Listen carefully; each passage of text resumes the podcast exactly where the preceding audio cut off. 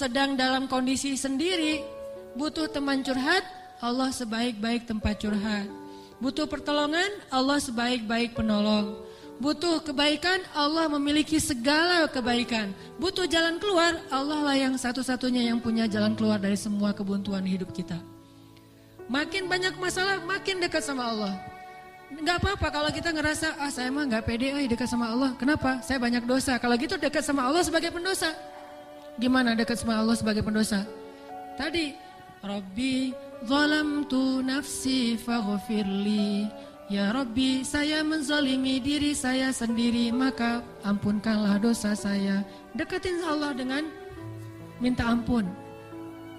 Ah nggak pede datang ke Allah. Kenapa? Soalnya takut ngecewain Allah. Kan kita udah minta nanti Allah ngasih. Udah gitu namanya manusia kadang-kadang kalau udah selesai dari masalah balik lagi dia. Jauh lagi dari Allah, lalai lagi, dosa lagi kan suka gitu. Karena kita masih kayak ragu sama kemampuan kita, saya bisa nggak ya istiqomah? Saya bisa nggak ya taubatan nasuha? Ah daripada nanti saya udah minta sama Allah, Allah tahu banget kalau saya itu masih labil, kan nggak enak. Udah nggak apa-apa, kita berbuat dosa datang lagi sama Allah. Dosa lagi datang lagi sama Allah. Kapan sih Allah pernah putus asa mengampuni dosa hambanya? Yang ada itu adalah hambanya putus asa minta ampun pada Allah. Allah mah nggak pernah putus asa. Gak ada kalimat satupun di Al-Quran dan hadis Allah bilang gini. Saya gak akan ngampunin dosa kamu lagi. Kenapa? Udah tiga kali saya ampunin kamu ulangi. Gak pernah Allah ngomong kayak gitu. Baik di Al-Quran gak pernah, di hadis gak ada. Baik hadis Nabi gak ada, hadis Qudsi juga gak ada. Gak ada cerita Allah itu ketika kita datang pertama ya diampunin. Datang kedua, ya udah deh. Datang ketiga, ini terakhir ya. Allah gak pernah ngomong gitu kan? Pas yang keempat, tidak ada maaf bagimu. Nggak ada Allah ngomong kayak gitu. Selalu wahai hambaku, kul ya ibadiyalladzina asrafu ala anfusihim. Katakan kepada hambaku yang sudah banyak dosa dan menzalimi diri sendiri.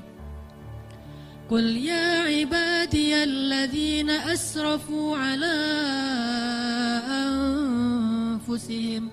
Allah tuh baik banget loh sama kita. Allah tahu kita banyak dosa, tapi Allah masih manggil kita tuh ibadi, hambaku gitu coba. Itu panggilan lembut loh dari Allah. Allah kalau kasar panggil nama. Ya Hanan, itu kasar tuh. Tapi ya ayah abdi itu lembut. Sama kayak Aisyah kalau marah sama Rasulullah manggilnya Muhammad. Aisyah, ini kata Aisyah sendiri, Aisyah radhiyallahu anha. Jadi kalau Aisyah manggil Rasulullah, ya Rasulullah, itu lagi enak tuh perasaannya, lagi moodnya lagi enak. Tapi kalau ya Muhammad, itu lagi marah. Tapi Rasul dipanggil Muhammad biasa-biasa aja ya. Kita mah kalau dipanggil nama, wah istri celaka nih, durhaka segala macam keluar dalil. Nabi aja yang punya dalil nggak pernah ngeluarin, kita yang nggak punya dalil punya, suka ngeluarin kan aneh tuh. Hadis itu ucapan siapa? Ucapan Nabi kan? Ucapan saya apa ucapan Nabi? Lalu kenapa saya lebih sering mengeluarkan hadis itu daripada Nabi? Kan aneh tuh. Nabi aja yang ucapan beliau sendiri, hadis beliau sendiri, nggak pernah ngeluarin hadis-hadis tentang istri harus kayak gini untuk ngedidik istrinya supaya istrinya tunduk, nggak. Nabi mah ngeluarkan hadis itu kepada kaum muslimah dalam suasana yang nyaman. Tapi kalau lagi marah nggak mau pakai-pakai hadis, nggak mau pakai-pakai ayat. Kita kalau lagi marah, ayat hadis keluar semua tuh. Jadi taklim kita itu bahan untuk marah gitu. Kalau lagi marah terus keluarin nih ayat-ayat yang kemarin saya dengar di ta'lim. Allah tuh baik banget sama kita. Udah banyak dosa masih manggil abdi. Ibadi kalau yang banyak mah. Qul ya ibadiyalladzina asrafu ala anfusihim. Katakan kepada hamba-hambaku. Sama kayak ibu manggil ya Bunaya, wahai anakku, anakku. Udah sering ngecewain ibunya, masih dipanggil anakku, nggak dipanggil nama. Saking maha baiknya Allah kepada hamba. Katakan kepada hamba-hambaku yang melampaui batas. Arti melampaui batas berarti dosanya tuh udah nggak kehitung, udah banyak banget.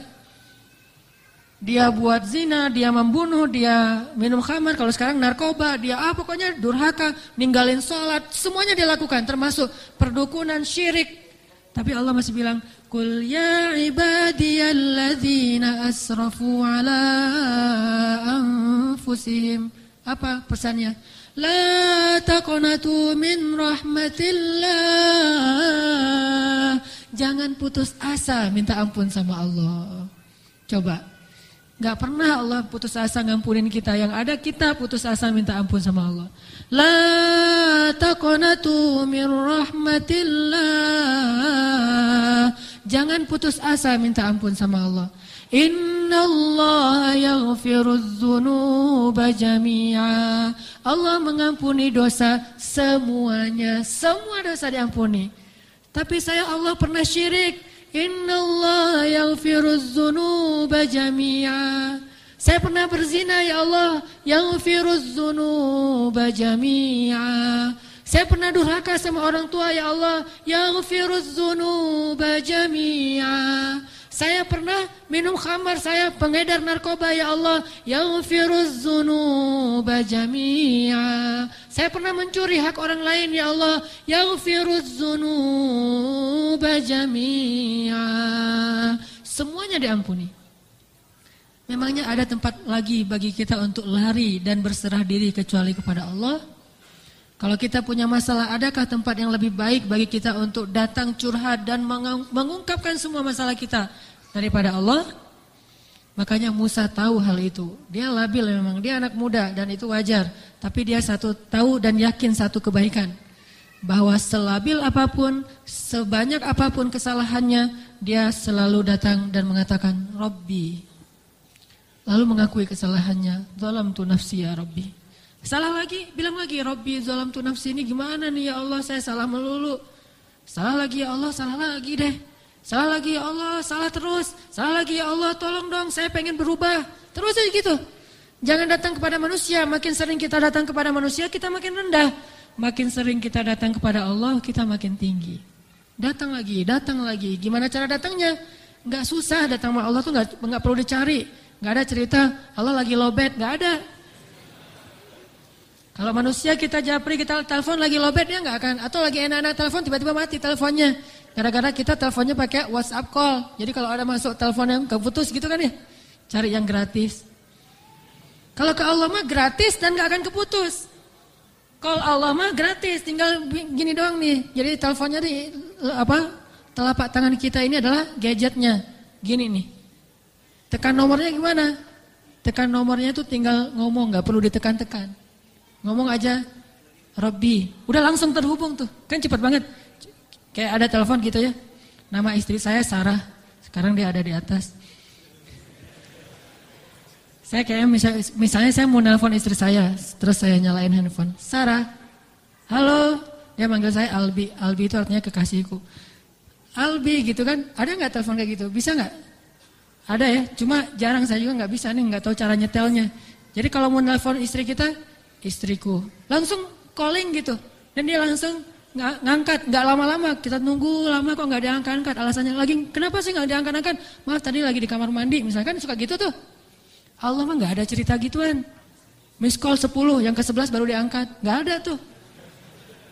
Allah mah nggak ada miss call, nggak ada disconnect, nggak ada sinyal jelek, nggak ada habis pulsa, nggak ada kepotong sama call yang lebih berbayar mahal, Gak ada yang, yang kayak gitu-gituan.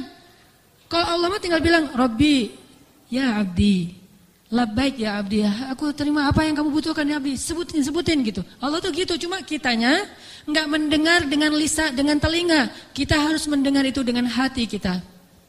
Kalau kita yakin, Ana indalzanni abdi bi. Aku tergantung yakinnya hambaku, prasangka hambaku, gimana perasaan hambaku.